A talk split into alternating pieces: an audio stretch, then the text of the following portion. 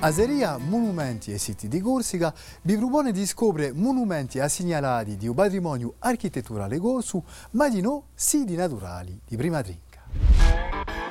Da Capicorso a Bonifacio, da Levante a Ponente, vi propongo di fare un viaggio in la Corsica patrimoniale. Paesi, città, monumenti, piazze, statue, dieci, siti archeologici, musei, siti naturali. Si ballerà nei nostri film di patrimonio architetturale e naturale di sicuro, ma tratteremo di noi di storia, di geografia, d'arte plastiche e di cultura in generale. Allora abbiate l'occhio.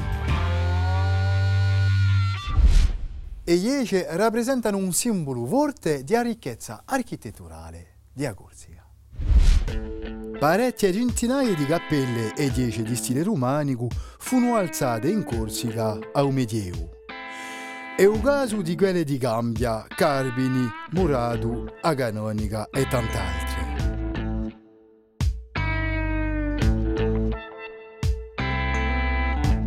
E le barocche furono edificate tra il XVI e XVIII secolo. Sono state costruite da mettere in risalto la potenza delle autorità religiose.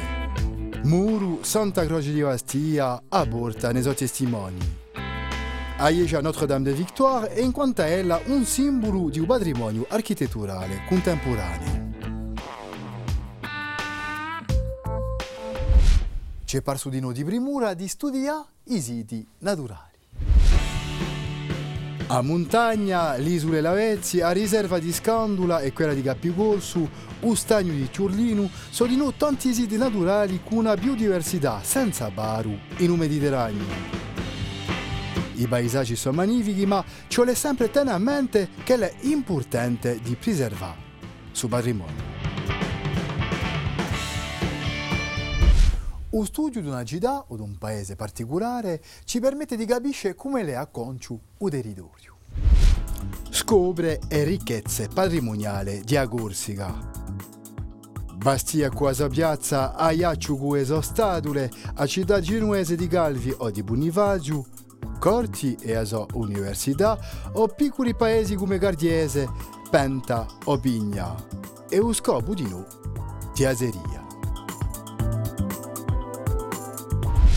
E capita che i musei sono di primura per conservare e tramandare il patrimonio.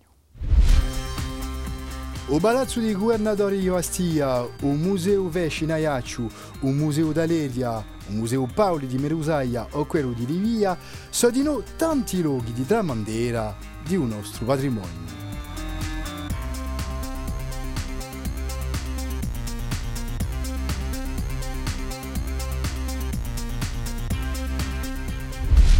Spero che questi 40 film vi aiuteranno a conoscere meglio il patrimonio nostrale. A presto!